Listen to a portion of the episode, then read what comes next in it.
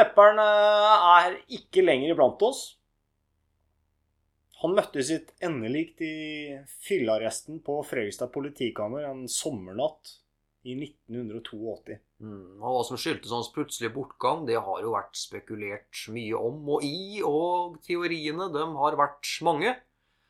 En av teoriene som har florert, det har jo vært at eh, stepperen visste for mye, og at han regelrett ble slått i hjel av politiet sjøl på glattcella.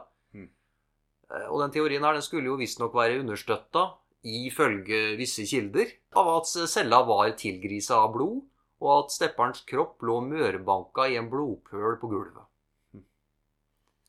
Så at stepperen eh, visste for mye, det skulle ha sin opprinnelse i påstandene om at stepperen var informant for politiet gjennom 50-, 60- og 70-tallet. Og at han på denne måten var i besittelse av meget delikat informasjon som politiet i Fredrikstad ville unndra offentligheten.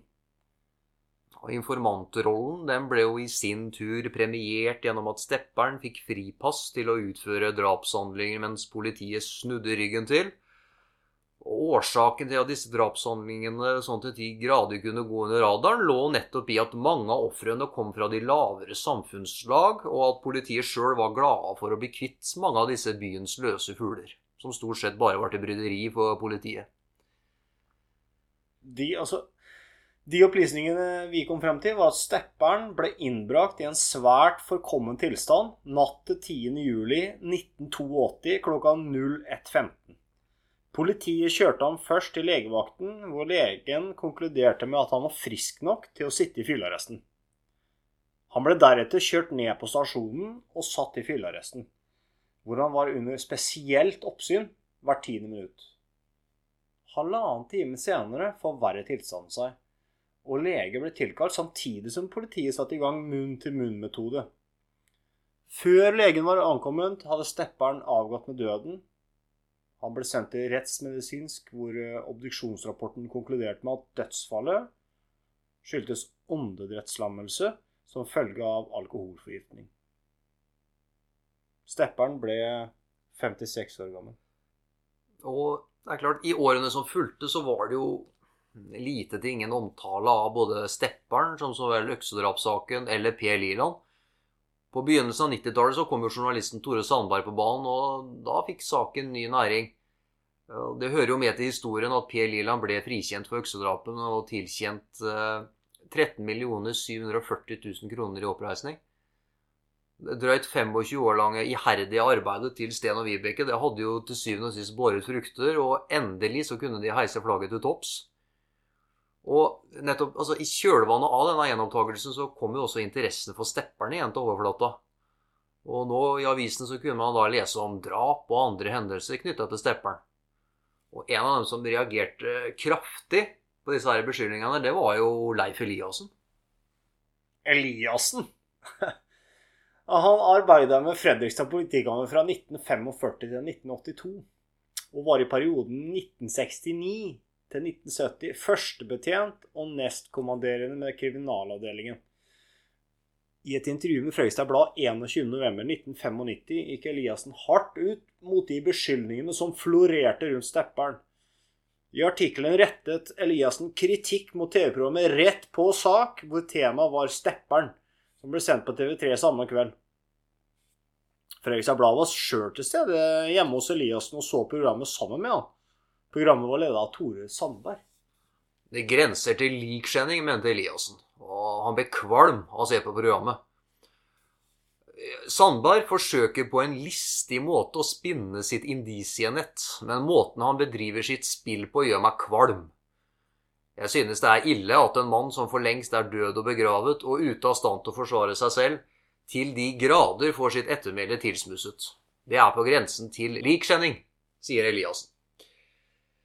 Og samme dag som artikkelen gikk i trykk, 22.11.1995, så reiste Eliassen til Oslo for å avgi forklaring overfor granskningskommisjonen, som da var oppnevnt av Stortinget i forbindelse med gjenopptakelsen av Liland-saken. Kommisjonen hadde jo som oppgave å granske politi- og påtalemyndighetens håndtering av saken. Og overfor Fredrikstad Blad så sa Eliassen følgende. Jeg vil fortelle det jeg vet. Jeg har ingenting å skjule. Min samvittighet er ren. Og overfor kommisjonen så forklarte Eliassen seg følgende. Han deltok ikke direkte i etterforskningen, men sørget for å stille lokalt mannskap til disposisjon for etterforskningen, og deltok på de fleste paroler. Det var naturlig at man alt fra starten av ønska å avhøre Liland, som jo i en tid forut for drapene hadde bodd hos John Larsen. Han kjente meget godt til Liland, som hadde en rekke dommer for legemsbeskadigelse. Et eksempel var et tilfelle hvor Elias måtte rykke ut etter at det kom inn meldinger om at en mann gikk og slo ned folk i sentrum. Denne mannen var Per Liland, som var sterkt påvirka, og som satte seg kraftig til motverge ved pågripelsen. Når det gjaldt Stepperen, var hans inntrykk at Stepperen var en snill og harmløs fyllefant med et betydelig alkoholmisbruk. Stepperen ble stadig innbrakt for fyll, men han var aldri voldsom. Aldri voldsom. Nei. Men det som var, det som var spesielt rundt Stepperen, det var en båt. Stadig drukna det mennesker rundt ham. Mm. Eliassen kunne nevne tre tilfeller av drukning ved Stepperens nærvær. Politisjefen eh, Eliassen kunne nevne tre tilfeller av drukning ved Stepperens nærvær uten å tenke eh, mer over det. Mm. Og ved det første tilfellet så hadde Stepperen stått ved siden av vedkommende, som falt ut i elva og drukna. De to andre tilfellene de skjedde jo på samme dag. Eh, Først skulle en berusa mann gå i land fra Snekka, men falt i elva og drukna. Senere på kvelden skulle nok en berusa mann gå i land, denne gangen på Nabbetorp. Nøyaktig det samme skjedde på ny. Mannen falt i elva og drukna. Ja, Sammenlignet med Stepperen så var Liland en langt mer naturlig kandidat når man etterforsket eksedrapene i Glemmegata. Man valgte derfor å satse på han. Det var altså slik eh, Eliassen forklarte seg overfor kommisjonen. Og, men det var jo ikke bare Leif Eliassen som ytra seg kritisk vedrørende beskyldningene rundt uh, Stepperen. Allerede i 1993 så sto Per Liland sin ekskone Irene fram i Demokraten og ga sin versjon.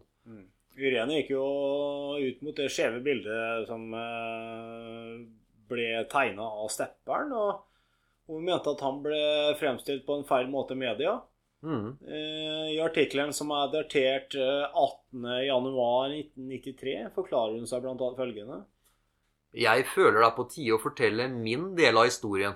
Ikke minst fordi jeg opplever det som regelrett gravskjenning å koble avdøde Stepperen både til øksedrapene og en rekke andre mistenkelige dødsfall.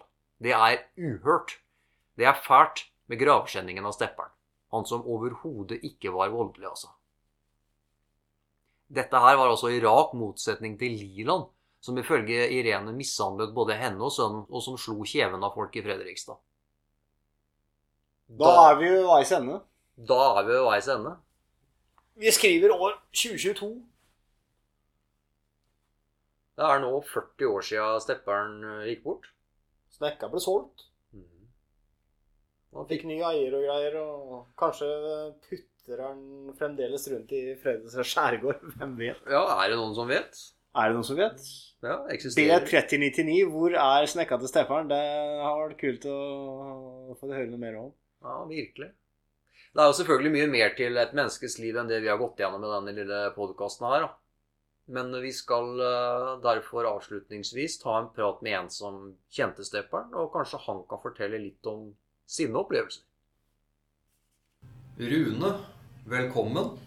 Ja, takk for det.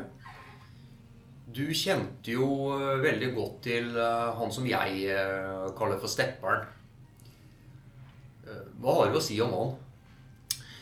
Eh, Stepperen eh, kjenner han godt eh, når du er eh, et sted mellom 7, 8, 9 år. Det er vel kanskje litt hardt å ta i, for å si det sånn. Men, eh, men jeg har jo Kjenner på en måte Stepperen både utseendemessig og oppførselmessig, som en unge skal gjøre.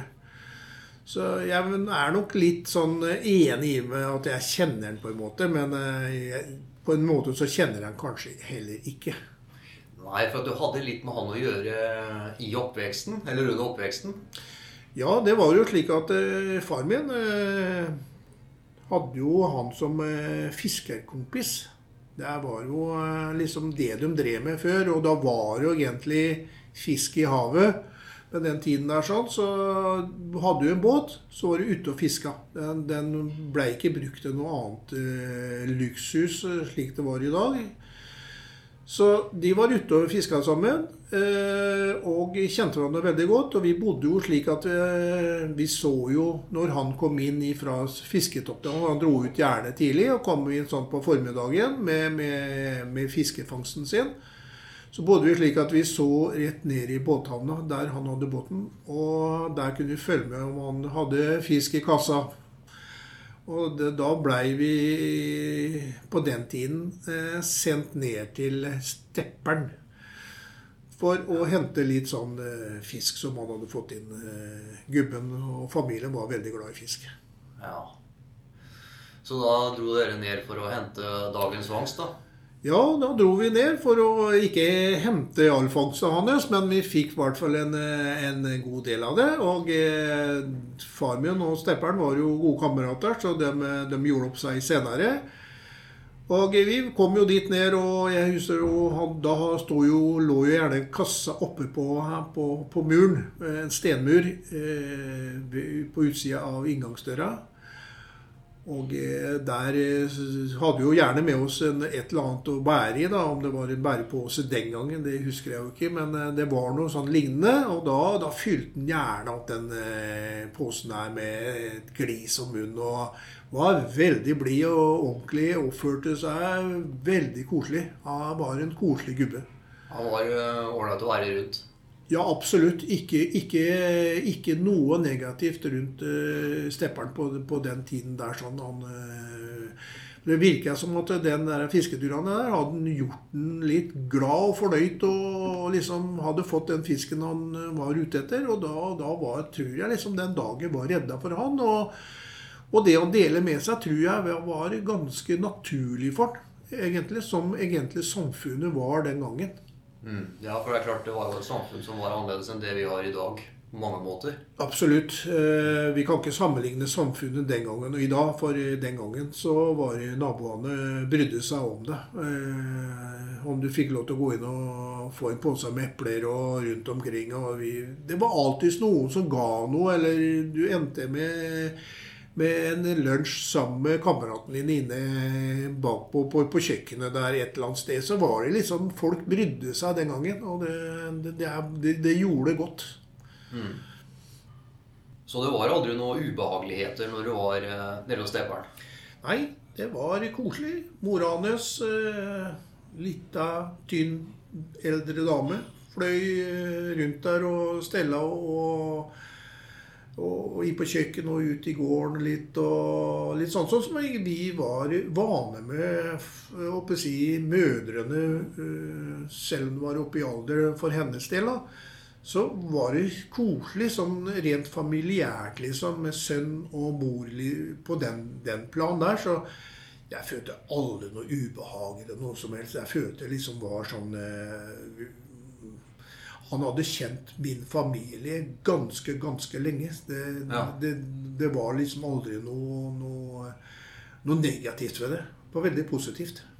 Stepperen og faren din var jo da gode bekjente fra ja. lang tid tilbake? Det var kamerater sånn som kamerater er ennå, for å si det sånn. Og ja. Eh, på talefot og sikkert uenige ting og enige ting. Og likte felles ting med fisking og fiskeredskap og båt det var vel ikke stort annet, liksom. Og en jobb i ny og ne og litt sånt nå, Det, det var det det som egentlig var høyt verdsatt den gangen. Mm. Kameratskap og det, den troa på hverandre. Mm, mm.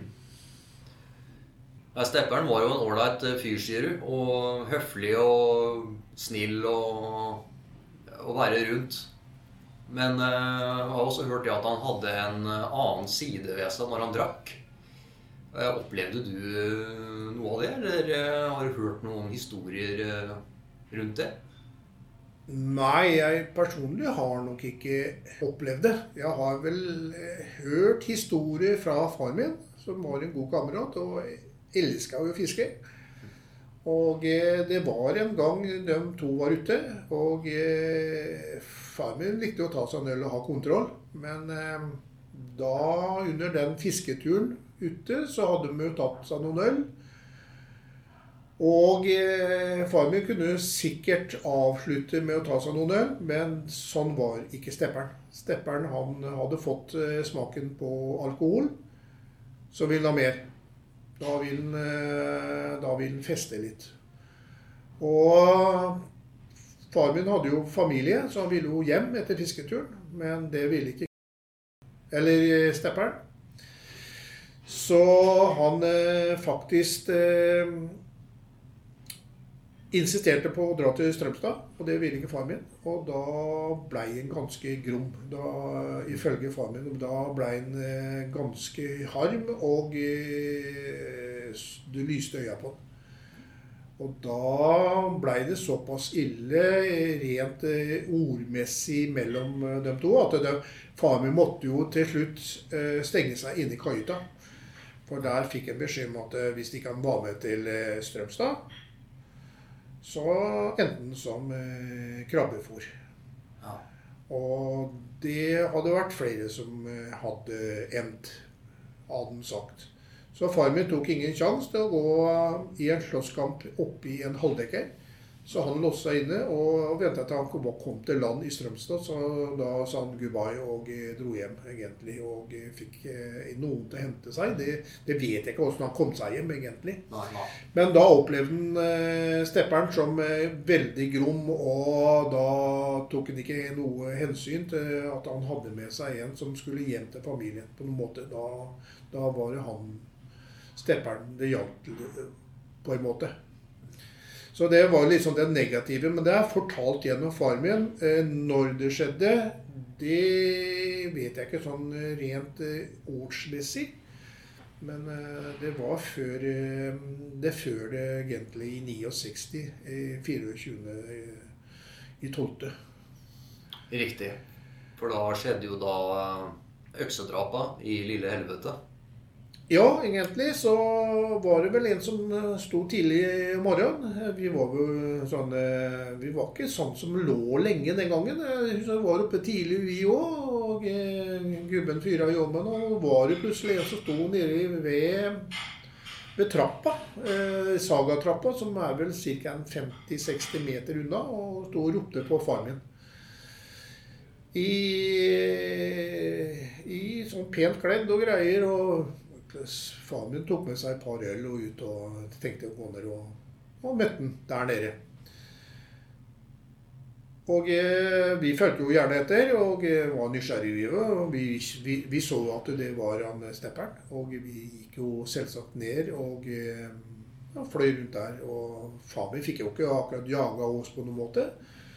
Og der satte hun seg ned på stenmuren, husker jeg, og han far min åpna hver sin øl, og de satt der og prata. Og eh, da så skjorta hans ikke noe Den hvite skjorta var ikke noe særlig pen da. Det, den var eh, rødflekkete og ikke pen. Og det er vel det som egentlig kommer ut ifra senere. At han eh, fortalte faren min at det, det hadde skjedd eh, noen drap nede i, i lille helvete i, på Trara der sånn. Mm. Og det var faktisk før politi egentlig var på plass. Så fortalte han det til faren min. Men det, det gikk noen år, for det ville ikke faren min fortelle oss.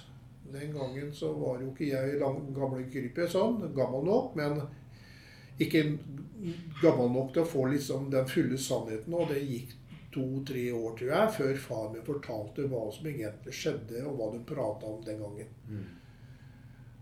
Og eh, i tida etter eh, øksedrapa Hadde du noe kontakt med stepperen da? Hadde du noe omgang med han eh, Så du? Altså, det eh, Hva skal jeg si Jeg var vel såpass at jeg følte med på hva som egentlig skjedde rundt i, i, i, i oppe i Lende og nabolaget. Så det er klart, eh, når vi visste om eh, stepperen og egentlig hva han kanskje hadde drevet med, så ble det jo mer interessant å, å følge med på å registrere eventuelt eh, hvor, hvor vi traff henne og sånn. Så det skjedde i hvert fall én gang, husker jeg. Kom på moped eh, kjørende opp, eh, opp mot Lysbyveien. Eh, da bodde vi på østsiden. Da faktisk eh, så jeg han gikk oppover Lyslebyveien, så jeg ble litt nysgjerrig. Så jeg kjørte litt sånn eh, inn og stoppa litt og iakttok han oppover mens han gikk oppover Lyslebyveien. Og da egentlig slengte han litt og var sånn småfugl. Gikk og småprata for seg sjøl, egentlig. Så det er jo den ene gangen. Og så har jeg jo registrert den sånn i senere, når jeg ble litt eldre, sånn 18-19 år, at han banka mye nede på busstorv og rundt omkring. Så det, han var alltid godt kledd og liksom en stilig eldre kar eh, som Hvis en ikke visste noe om hans eh, lynne og, og det, så hadde du faktisk eh, Han var en flott, flott ty, type, altså. Han var det. Så det var liksom sånn småglimt en så etter han. Jeg eh, tror han forsvant mer og mer fra liksom Holdt med for seg sjøl hjemme, var en tur på byen i ny og ne og litt sånt. Og det er jo liksom det vi, eh, eller jeg, registrerte da. I senere tid, etter 69. For Snakka du med han da når du traff han? Nei, det gjorde jeg ikke. Det gjorde jeg ikke.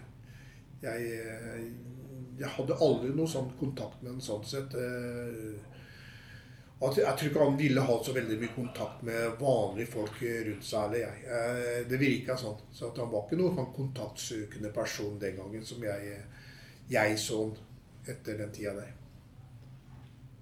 Jeg har jo ikke noe negativt eh, eller noe å si om stepperen på noe som helst måte. Selv ikke den gangen som han eh, oppsøkte far min eh, på morgenen på, på, julaften.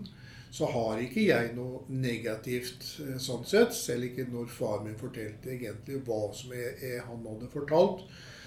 Så har jeg ikke noe å, å sette noe negativt eh, tegn på, på stepperen på noen måte. Jeg, jeg, og, slik jeg kjenner, så kjenner han som en, eh, en, eh, en stille og rolig kar som egentlig hadde sine problemer, men de, de, var ikke fremme i lyset på noen måte når han egentlig traff barn eller For det var jo det, det jeg var en gang. Jeg var et barn på rundt omkring 9-10-13 år.